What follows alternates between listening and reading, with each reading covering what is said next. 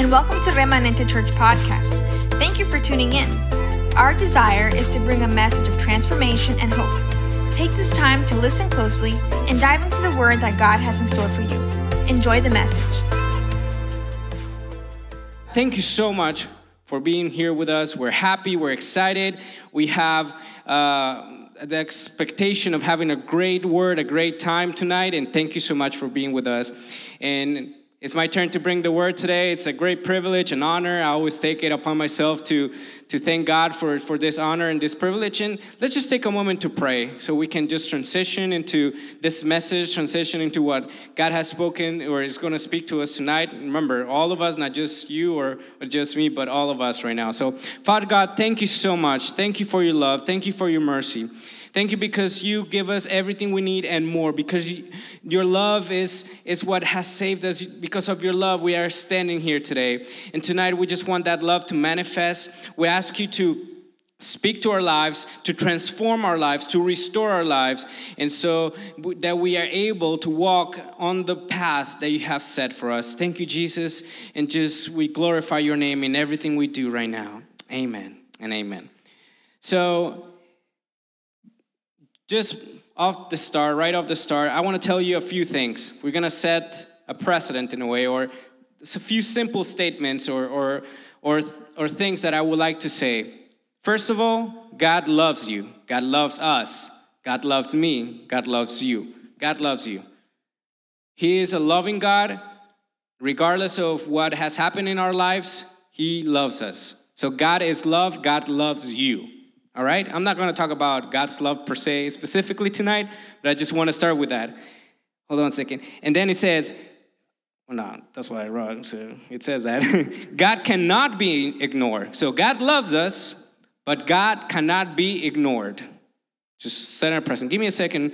I'm so sorry. I'm just going to go into my settings here because my phone is turning off and I don't want it to turn off in the middle of the the screen turns off. I'm sorry. Let's go on. So, God loves you. God loves us. God cannot be ignored, okay? He's God, He's powerful. We cannot hide from God, okay? It makes more sense after we go into the Word. And the last thing I want to set as a foundation or precedent is we have to be committed to, a, to our walk with God. We have to be committed. We have to be serious about, about our walk with God, okay? So, those phrases, I just wanted to go ahead and, and bring them up. So, tonight, what I felt to do in my heart, and this is a little out of you know the normal in a way uh, it's not too crazy or anything like that but i just want to go ahead and read from psalms 139 so I ask you right now, um, you know, as you are watching me, whether you're watching me live or tomorrow in the podcast or in watching this recorded, just to grab your Bible, grab your phone. Um, if you have, you're watching from your phone, I'm going to read it. Grab another computer or your actual physical Bible. You know, there's a, a book actually that historically has been a book, the Bible, not just the phone. anyway, but just grab another device or just follow along with us Psalm 139. We're going to read it. It's about 25 verses or so. Uh, let me check. 24 verses, sorry. Sorry, I did my homework. But we're going to read through this. And there's a few things that we're going to point out. And I'm going to get to the point and, and down the road, in a way, where we understand that that last statement that I said, we have to be committed to our walk with God has great importance to our lives. Now, this might be the first time you're watching a, a, a, Christian service or hearing about God or Jesus or seriously looking into it. So, this applies to you. This applies to you even if you're a Christian, like I have been almost my whole life since I was a little boy, you know, in, in, in age, because some people in Spanish say, like, since you were a little boy, but sometimes you don't. Anyway, bad joke. So, what I'm saying is, this applies, what we're gonna do is, it applies to anybody who is watching right now, who's listening right now, to my life first, to be honest, and outwards to all of us, because God speaks to all of us, not just you or, or, or me, but all of us. So we're gonna read out of Psalms 139. If you're ready, just, you know, give me a thumbs up in the, in the chat. Anybody here can give me a thumbs up too if you're following along. So, Psalms 139, I'm going to be using the New Living Translation, okay? So, is the, if this sounds a little different, just if you want to match it up, the New Living Translation. And let me remind you the Word of God is powerful, the Word of God is enough. And my intention tonight is to use the Word of God to speak to us as, as it has spoken to me during this last couple of, of days. So once Psalm 139 1 says, O Lord, you have examined my heart and know everything about me. O Lord, you have examined my heart and know everything about me. You know when I sit down or stand up, you know my thoughts, even when I'm far away. So, right off the bat, where Psalm 139 is letting us know that God, that David, who is right now, he says the Psalm of David, the psalmist, he's saying that he know, God knows his heart. So I'm going to tell you, God knows your heart. Regardless of your situation right now, regardless of uh, if whether you are walking in the path of Christianity or another path, whether you're following actively or not, God knows you. God knows your heart. God knows your intentions. He knows what you do. He knows whether you st- stand up or sit down. He knows your thoughts, whether you're near Him or far away from Him. He knows you. There's no going away from God, okay? Let's move on. Keep moving. Chapter 3 says, I mean, uh, verse 3 says, You see me when I travel, when I rest at home, you know everything I do. So, reinforcing that, God knows everything about us. Everything about us. You know what I'm going to say even before I say it, Lord. That's crazy. He already knew what I was going to say right now. And now, and now. okay? He knows everything we do, everything we we're thinking. He knows it already, which is crazy because if we had that perspective or, or we realize how real that is, we might not do some of the things or think some of the things that we do think or do. Anyway and speaks to me first, not pointing fingers. You go before me and follow me. You place your hand of blessing on my head. So that's uh, verse 5. So not only does he knows us, knows what we're doing, whether we're walking with him or not, he, if we want to, goes also before us and follows us and he blesses our lives. Okay? We're getting there. So, verse 6, read it with me out loud over there if you're watching or even here if you want. Such knowledge is too wonderful for me, too great for me to understand. So, I looked this verse in a different version because I was like, what knowledge are you talking about? What, what specifically are you talking about? So, I went to the easy to read version, which I found based on one of the connection videos that I watched it's actually that version. I was like, wow, there's a new version I never heard of. Easy to read. Perfect for my ESL. so it says, on verse 6, in that easy to read version, it says, I am amazed at what you know. It is too much for me to understand. I was like, ah, okay. So it's pretty much God's not God not only knows what we're gonna say, what we're gonna do, everything in our lives, but that not he knows so much more. He knows so much more about us than we can even imagine. And that just David was just like as we should be as well. It's like, wow, that's just amazing. That's just incredible. I know it's basic, but we're getting there. Let's move on to verse 7. All right? If you're in the chat, just say, I'm on verse 7 right now. Let's go. Okay? I can never escape from your spirit. I can never, never get away from your presence. I can never escape from your spirit. I can never get away from your presence. If I go up to heaven, you are there. If I go down to the grave, you are there.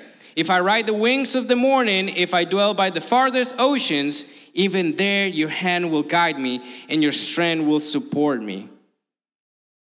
This reassures you, us, you and I, that God is with us the whole time, that we cannot run away from him. There's no way, there's no, there's no shape or form that we can, or things that we can do to run away from our God.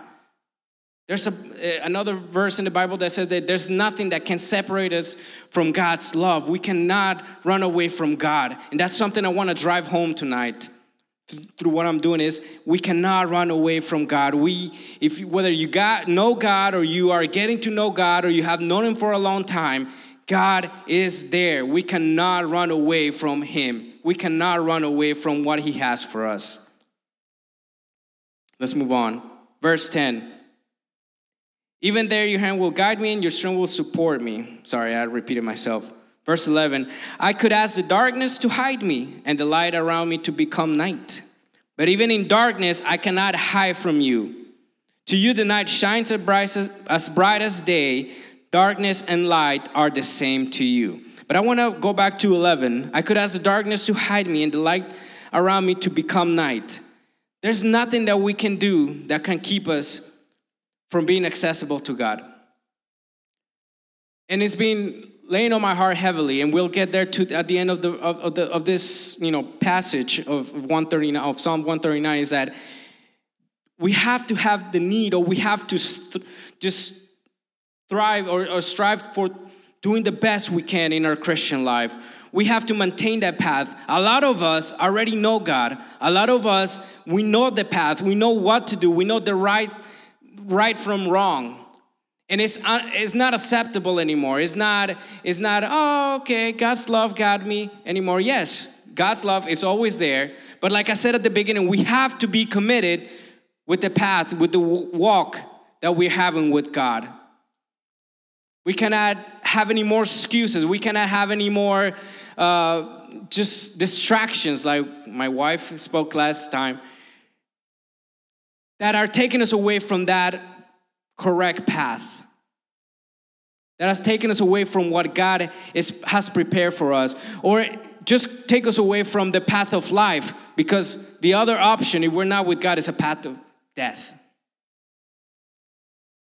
And there's no way to hide. Even if we think that we're going away from that path, that we're going away from what who he is and we're hiding, he doesn't see us, and, and, and even if we're walking in something wrong, no, God is there. And he's waiting, but he's there and he won't do anything until we allow him to, to do it. Then he goes on to say in verse 13, and this is a very famous verse. I'm assuming this is the part where everybody of, of Psalm 139 that everybody knows or everybody likes, or maybe eh, you know most of us have read just this part, which says, "You made all the delicate inner parts of my body and knit me together in my mother's womb." Right? He knows us again. It's so beautiful how it says, Thank you for making me so wonderfully complex. Your workmanship is marvelous. How well I know it. God made you and I, and He knows us. I've said it before, and I'll say it again. You watched me as I was being formed in utter seclusion, as I, as I was, whoa, this is being harsh on my ESL right now, as I was woven together in the dark of the womb. You saw me before I was born. Every day of my life was recorded in your book. Every moment was laid out before a single day had passed. God already chose you, chose me, chose us to follow him. You may say, well, how about free will? How about the ability or the liberty that we have to take a path? Yes, he sets he set a path of righteousness for us. And we have no excuse to follow it. But sometimes we go off the wrong path. And that's what I, tonight, I'm trying to encourage us to realize. I'm not saying that we're in sin, I'm not saying that we are completely lost or forgotten, but we need to continue in that path seriously and have a committed walk with God. Verse 17 says, how precious are your thoughts about me, O God? They cannot be numbered. Look at that. It says, How precious are your thoughts about me? God has amazing plans, amazing things. He formed us. He not only formed us and made us in our, you know, put us in our mother's womb and formed us and created us, but He has great things for us. He, he's got great and precious thoughts about us. But sometimes, including myself, at some point, many times, we have rejected those thoughts, rejected that purpose, and not care about what, what he thinks about me, but care what, about what I care I think about me, care about what others think about me, my circle think about me instead of God. Verse 18 it says, I can even count them. They outnumber the grains of sand. There are many thoughts, great thoughts about us. And when I wake up, you're still with me. Oh God, if only you would destroy the wicked. Get out of my life, you mur- murderers, he says. kind of strong, right? Talking about those who are trying to keep us from God's purpose, who are pulling us from God's purpose. I'm not literally trying to say that those people need, you know, to be destroyed, but it's many senses. It's not just physical, it's a spiritual battle. It says, They blaspheme you, your enemies misuse your name. Oh Lord, shouldn't I hate those who hate you? Oh Lord, shouldn't I hate those who hate you? Shouldn't I despise those who oppose you? And this this this touched me right here. And I'm not talking about don't get me wrong, don't quote me wrong, that we're gonna hate those who are sinful or hate those who those people who are not walking with God, that are not doing the right thing, that are sinning, that are promoting a different lifestyle that doesn't go according to God. No. We should not hate the people or the person. We got to hate the sin in that person because God despises that sin, that wrongdoing, and not the people. Regardless of any mistakes, God has loved us. Believe me, sin is sin. Small, big, whatever. Repercussions and consequences may present themselves differently, but sin, it's in all of us. So don't feel better or more righteous because our sin is just maybe a lie versus a drinking problem. Or is my sin is smaller compared to another person who is having a chronic lifestyle of sin for calling it that way. No, we're not any better than any of those people. Consequences and circumstances affect lives differently, but we have to hate is the sin, not the person. So this, this verse is not about, oh, I need to hate and, and despise the people that sin. No, we need to despise the lifestyle of the people and not let that lifestyle be influenced or not let that lifestyle influence our lives, our lifestyle. We have to set the mark, we have to set the path. Because we are the children of the Most High, and we have the capacity to be a great influence and not let the world influence us. And this might sound harsh, but it's what I feel to say right now and to communicate to us because we need we need to be in a way radical. And not radical in the way of you know revolution and and and just straight and hate everything and it's black or white. Yes it's black or white when we follow god but it's not black or white or wrong or right or wrong just focusing on the person but focusing on the actions and trying to help whoever is in those actions to come out of that so I'll read it again, verse 21. Oh Lord, shouldn't I hate those who hate you? Shouldn't I despise those who oppose you? Yes, I hate them with total hatred, for your enemies are my enemies. But let not be the people be the enemies, but their actions. Let, not, let us not be involved in the activities of those who oppose God, especially when we know, when we have known, and if you don't know right now, you haven't known that path of God, I encourage you to seek it because it's a good path. It's a path of love, of acceptance, of change and restoration. But those for those of us who have already known God, we have to continuously seek that path and not let the outside world change us. We can live in this world, remember, but let us let not that world change us, change who we are in God. And with this, I'm going to start a close tonight.